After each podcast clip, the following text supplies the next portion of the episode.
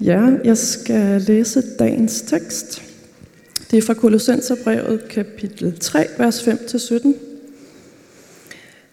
Så lad da det jordiske i jer dø.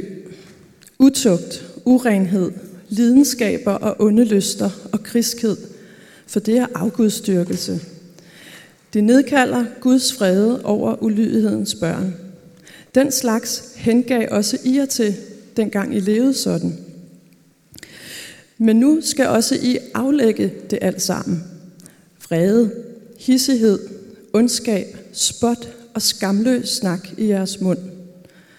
Lyv ikke for hinanden, for I har aflagt det gamle menneske med dets skærninger, og iført jer det nye, som fornyes i sin skabers billede til at have erkendelse. Her kommer det igen på at være græker og jøde, omskåret og uomskåret, barbar, skyde, træl, fri, men Kristus er alt og i alle. Ifør jer da, som Guds udvalgte, hellige og elskede, inderlig barmhjertighed, godhed, ydmyghed, mildhed, tålmodighed. Bær over med hinanden og tilgiv hinanden, hvis den ene har noget at bebrejde den anden. Som Herren tilgav jer, skal også I gøre. Men over alt dette skal I yføre jer kærligheden, som er fuldkommenhedens bånd. Kristi fred skal råde i jeres hjerter. Til den blev I jo kaldet som lemmer på ét læme. Og vær taknemmelige. Lad Kristi ord bo i rigt mål hos jer. Undervis og forman med al visdom hinanden med salmer, hymner og åndelige sange. Syng med tak i jeres hjerte til Gud. Hvad I end gør i ord eller gerning, gør det alt sammen i Herren Jesu navn, og sig Gud far tak ved ham. Jamen, øh, hej med jer. Hej med jer.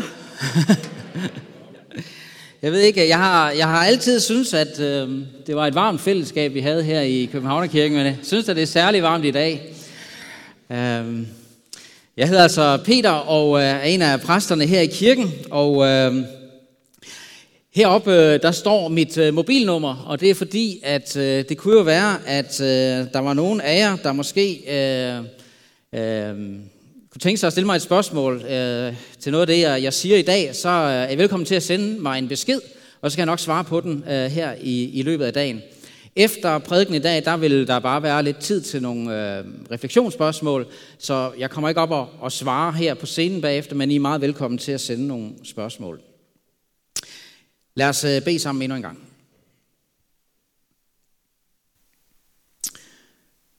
Kære Gud og far, tak fordi, at du har givet os dit ord. Vi lige har lyttet til dit ord. Og nu beder vi dig om, at du vil være her ved din ånd og, og tale til os. Og øh, vi beder om, at du vil give os åbne hjerter for, for det, du vil sige til os, så det bliver til øh, øh en befrielse i vores liv. Amen.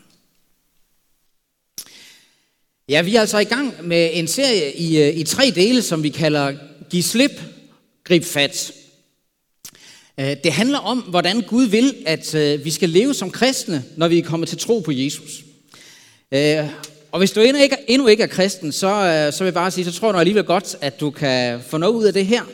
Få et lille indblik i, hvad det vil sige, det her med at, at leve et liv øh, som kristen, når man er kommet til tro på ham, på Jesus. Og det handler altså om det her med at øve os i at give slip på noget. Alt det i vores liv, som er destruktivt og ødelæggende og imod Guds gode hensigt med livet. Og så gribe fat i noget andet. Gribe fat i noget bedre. Alt det, som er smukt og godt, og som er Guds vilje med os. Den her serie den handler simpelthen om, hvad er det, vi skal give slip på, og hvad er det, vi skal gribe fat i, og hvordan gør vi det?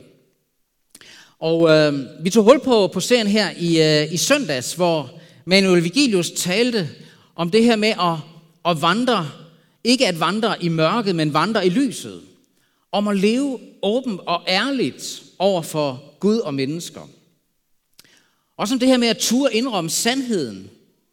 Sandheden om os selv, også om synden i vores liv, og bringe det frem i lyset. Bring det frem i lyset i bekendelse over for Gud og eventuelt over for mennesker. Øh, hvis du ikke var her i søndag, så vil jeg bare varmt anbefale, stærkt anbefale at gå ind og høre Manuels prædiken.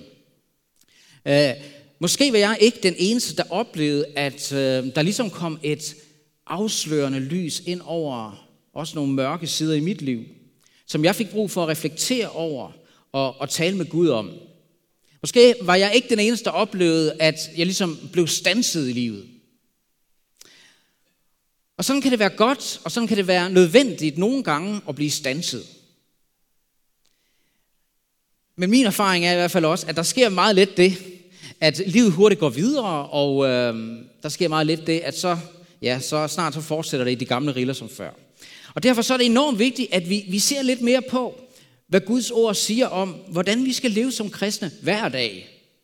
Ikke kun, når vi bliver stanset en gang imellem, men hver dag. I, øh, I dagens tekst, som øh, vi lige har fået læst, og som vi ligesom skal være sammen om både i dag og så øh, på søndag, der bruger Paulus ikke det her udtryk med at, at give slip og gribe fat. Men han taler om noget, som vi skal aflægge. Om noget, vi skal iføre os. Og øh, jeg har fået den opgave i dag primært at sige noget om det her med, øh, at det her med, hvad vi skal aflægge. Og så øh, kommer det til at handle mere om det her med, hvad vi skal iføre os øh, næste søndag. Men jeg vil gerne begynde med at prøve sådan at tegne det lidt større billede og se på, på det lidt mere overordnet i det her.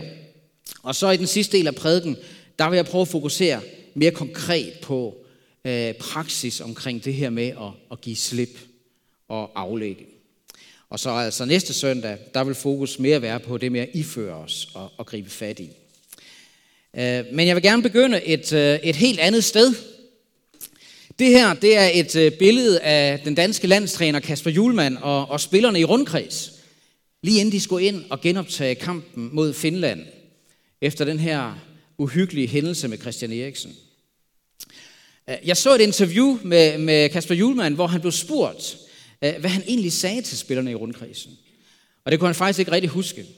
Men sagde han, jeg ved, at det sidste, jeg sagde, det er det, jeg altid siger til spillerne inden en kamp, og det var, vis nu, hvem vi er. Vis nu, hvem vi er. Og det synes jeg absolut, de fik vist. Også selvom øh, de endte med at tabe kampen. Vis nu, hvem vi er. De ord, de kan udmærket overføres fra en fodboldkamp til den kamp, som øh, vi også må kæmpe i det kristne liv. Men for at vise, hvem vi er, så må vi vide, hvem vi er. Vi må med et andet ord kende vores identitet som kristne. Og leve livet og kæmpe kampen ud fra det, som er vores identitet. Fordi det at blive en, øh, en kristen, det er at få en helt ny identitet. Og det er helt afgørende, at, at vi hviler trygt og godt i vores nye identitet. For at kunne leve det nye liv, som Gud ønsker, vi skal leve. Og vores nye identitet har vi i Kristus. Vi finder ikke vores identitet som kristne i andre mennesker og deres syn på os.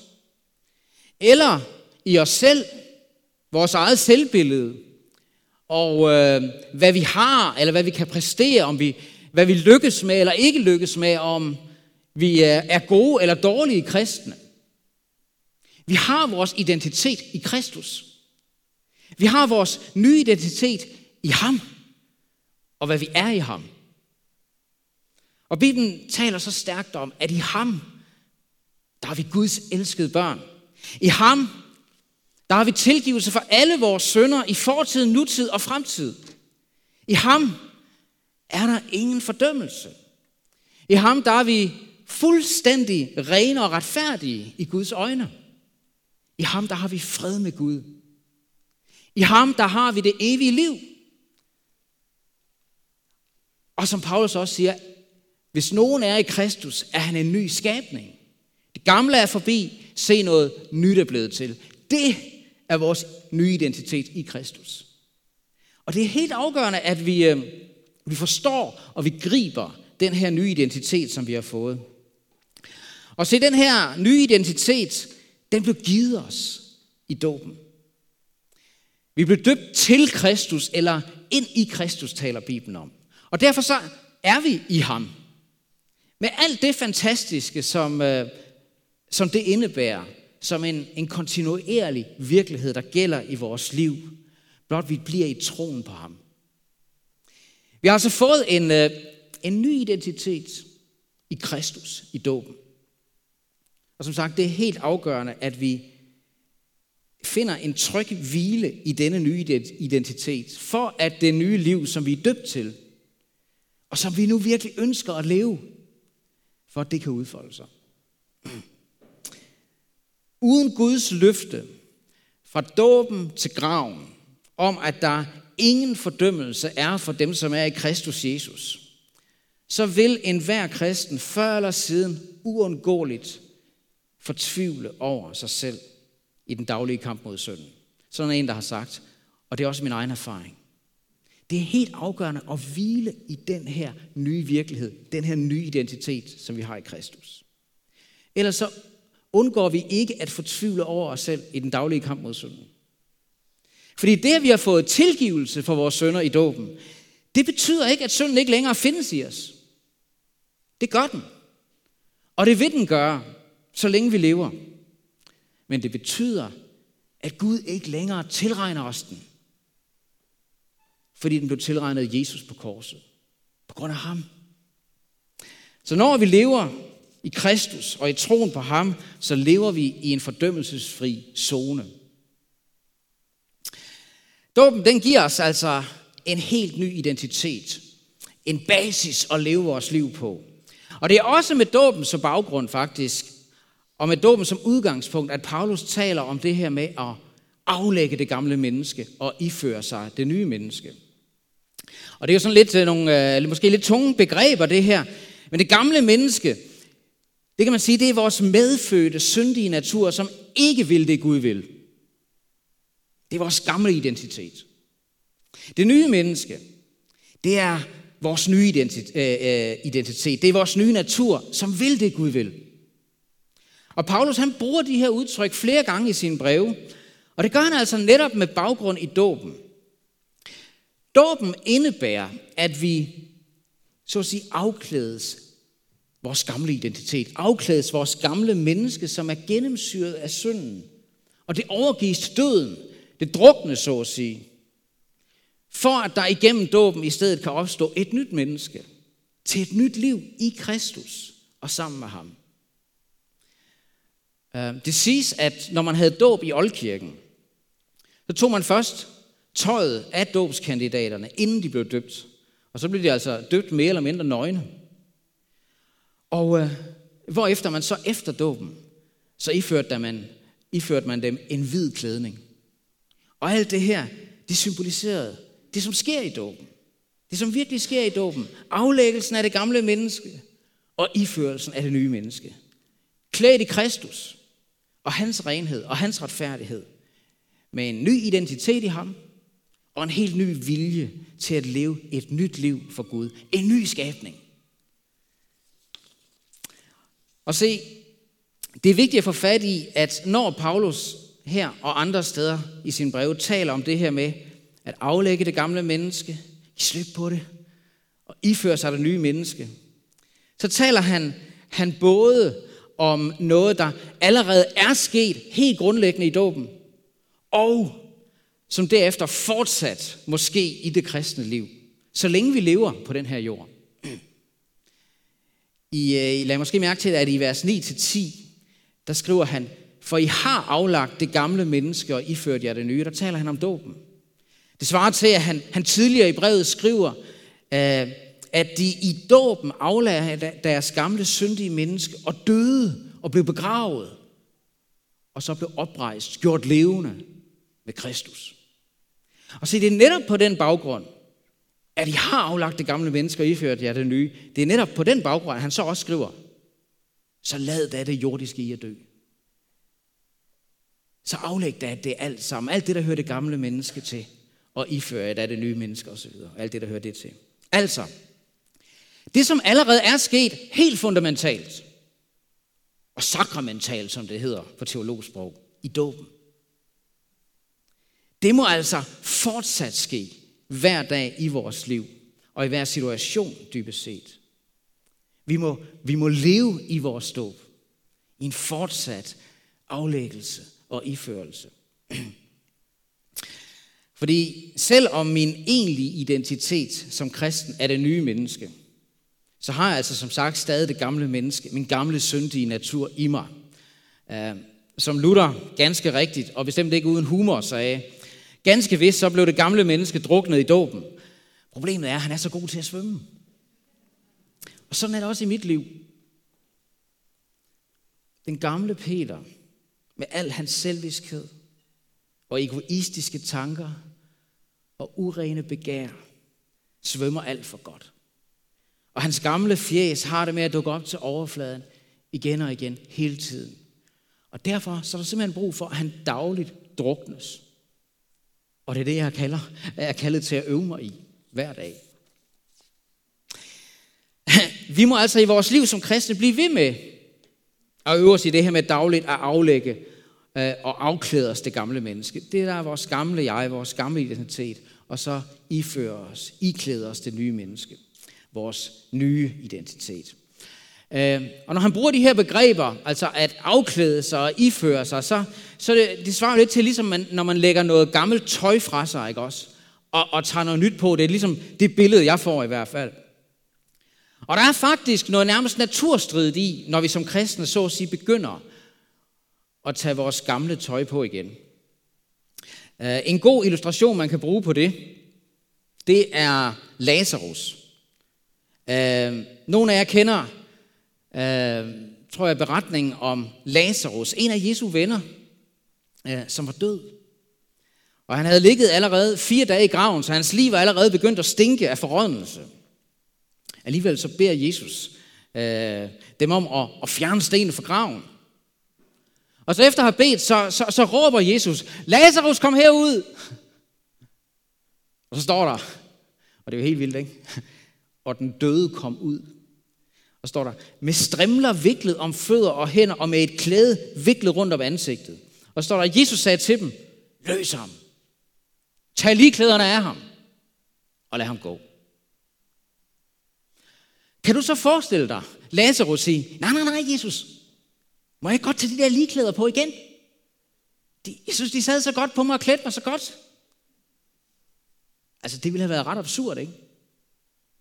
Men se, hver gang vi ikke vil iføre os det nye menneskes klæder og gøre det gode og tale sandt og vise barmhjertighed og bære over med hinanden og tilgive og elske, men hver gang vi i stedet giver efter for vores gamle egoisme, og for det urene begær, og for griskheden, hamersyn, og løgnen, bagtagelsen, bitterheden og hissigheden, så er det som Lazarus, der tager ligklæderne på igen.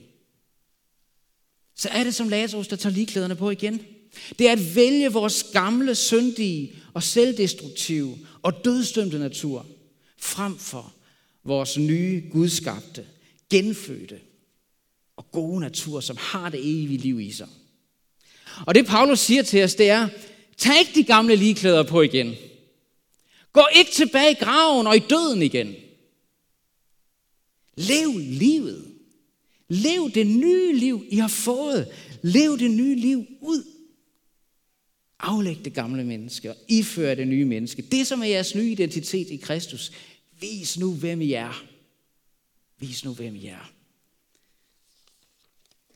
Okay. Hvordan gør vi det så lidt mere konkret i praksis? Hvordan aflægger vi vores gamle identitet og lade det dø, som Paulus taler om? Hvordan, hvordan holder vi op med at gøre det, vi egentlig ikke længere vil? Hvordan giver vi slip? Det vil jeg gerne prøve at sige lidt om her i den sidste del af min prædiken.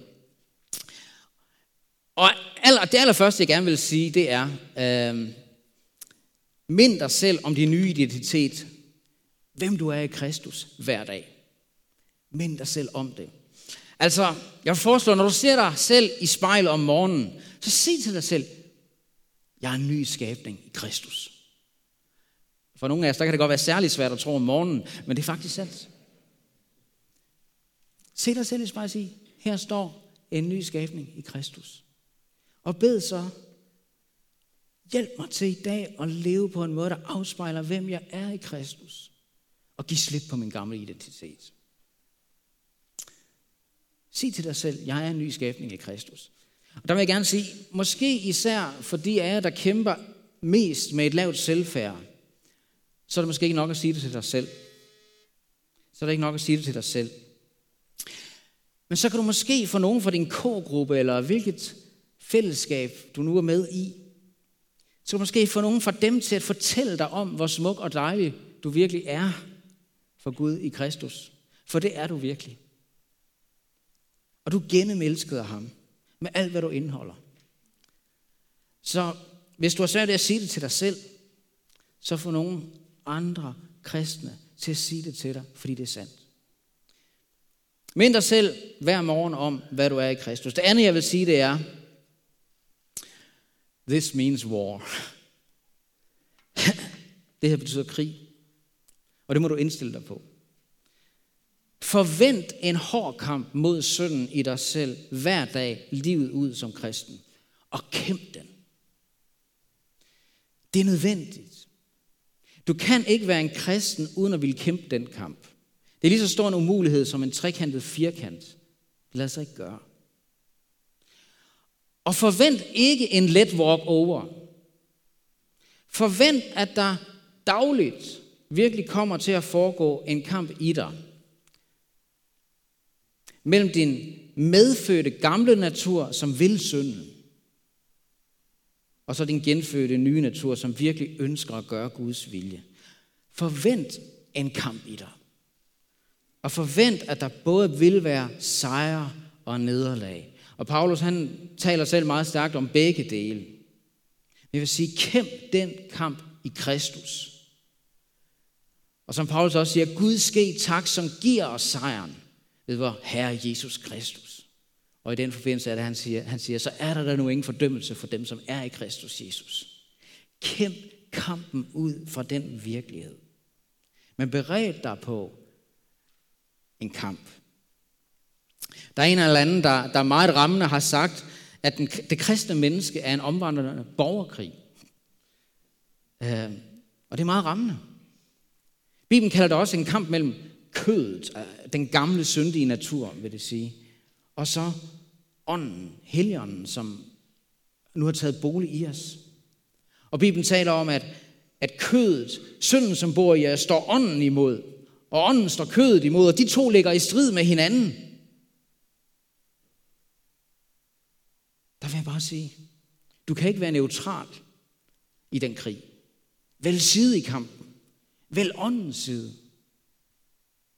Og bed om Helligåndens hjælp i de konkrete ting, du kæmper med. For det tredje, og lidt mere konkret, så vil jeg sige sådan, erkend dine særlige svagheder og fristelser, og find måder, hvorpå du bedre kan håndtere dem. Og jeg tror, der er forskel på, hvor vi individuelt har vores svageste punkter. Og nogle gange så kan det faktisk endda være svært selv at se og erkende. Bare et enkelt eksempel på det. Øh, Paulus han nævner jo øh, for eksempel griskhed, eller hamersyge, som det egentlig øh, betyder. Som han også kalder for afgudstyrkelse. Men, men, men der er så at sige ingen, der anser sig selv for at være grisk. Eller grådig. Altså, det er der ingen af os, der, der, der mener om os selv, vi er. Det er den synd, man selv er blind for, at det er blevet sagt. Og jeg tror måske, at det her med, med, med griskheden, hamersyn, materialismen med et andet ord, at det i virkeligheden måske er en langt mere øh, udbredt fare, og måske endda en langt mere udbredt synd og afgudstyrkelse hos os i dag i vores rige del af verden, også som kristne, uden at vi selv ser det og mærker det. Det siges, at hvis man putter en, øh, en skrubtusse ned i kogende vand, så vil den straks springe op. Men hvis man lægger en skrubtuse ned i lunken vand, og så bare langsomt varmer det op, så vil den ikke mærke noget. Den vil ikke mærke, at den langsomt dør. Og jeg tror, at det er den fare, materialismen ligesom udgør for os i vores del af verden. At vi, vi, vi ser ikke selv, hvad det gør ved os. Vi mærker ikke selv, hvad det gør ved os. Og derfor tror jeg som kristne, at vi går meget klogt i, fordi vi ikke selv kan se det måske, at have en meget bevidst plan for, hvordan vi forvalter vores penge og alt det, vi har. Gør det på en måde, som ikke bare tjener vores egen have mere syge, men på en gavmild måde, hvor der også kan komme andre mennesker til gavn, og kan komme evangeliet til gavn. Og derfor vil jeg sige, find øh, nogle mennesker, du kan give til. Find nogle organisationer, du kan give til. Find gerne en kirke, du kan give til. Og giv så. Men jeg tror også, at der er mange af os, der godt selv kender vores svageste punkter. Øh, og ved, hvor det er, vi er lettest og friste. Og der vil jeg gerne sige, hvor vi har et ansvar for, hvordan vi håndterer det, og finder måder at gøre det på. Hvis dit svage punkt, det er sex uden for ægteskabet, eller uren seksuelt begær, så vil jeg gerne sige, så flørt ikke med det. Undgå situationer, hvor fristelsen bliver for stor. At se på porno på internettet, det er blevet en uhyggelig stor fristelse for mange i dag. Også for mange af os kristne. Lad os ikke lege med ilden. Gør, hvad du kan for at beskytte dig selv imod at blive fristet. For mange, der kan det være en, en god idé, og måske også nødvendig, og i virkeligheden en kæmpe lettelse med et effektivt internetfilter på mobilen eller PC'en. Find en måde, du kan håndtere det her på. Især for øh, nogle af jer unge, der kan der være, skal vi lige se her. Især for nogle af jer unge, tror jeg, der kan der være fristelse forbundet med den fest- og drukkultur, som desværre også er blevet alt for almindelig i, øh, i mange kristne ungdomsmiljøer, nogle steder i hvert fald. Måske er det nødvendigt for nogle af jer at overveje, hvilke fester I skal deltage i. Eller i hvert fald på forhånd overveje, måske sammen, og træffe nogle beslutninger om, hvad I kan være med til, og hvad I ikke kan være med til med god samvittighed. Find ud af, hvordan I vil håndtere de fristelser, I står i. Paulus han nævner også noget så konkret som det med at lyve. Kan kristne finde på at lyve? Ja, det kan de. Har jeg hørt. Det kan vi godt. Det kan jeg også godt. Men prøv at høre, at tro på ham, som er sandheden med stort S. Med stort S. Det må også have konsekvenser for mit forhold til den lille løgn i hverdagen. Jeg kender to, øh, to kristne piger, som øh, på efterskolen valgte at, øh, at pjekke fra den første af to timer, de skulle have. Og de, øh, de blev enige om, at øh, de aftalte, at de bare ville sige til læreren, når de sådan, øh, kom ned til den anden time, der ville de sige til læreren, at de bare var faldet i søvn efter frokosten. Og da de så kom ned til den anden time, så fortalte de den her lille løgn, de havde aftalt. Og læreren var meget forstående og sagde, at det, det er okay. Jeg vil bare lige spørge ham en ting.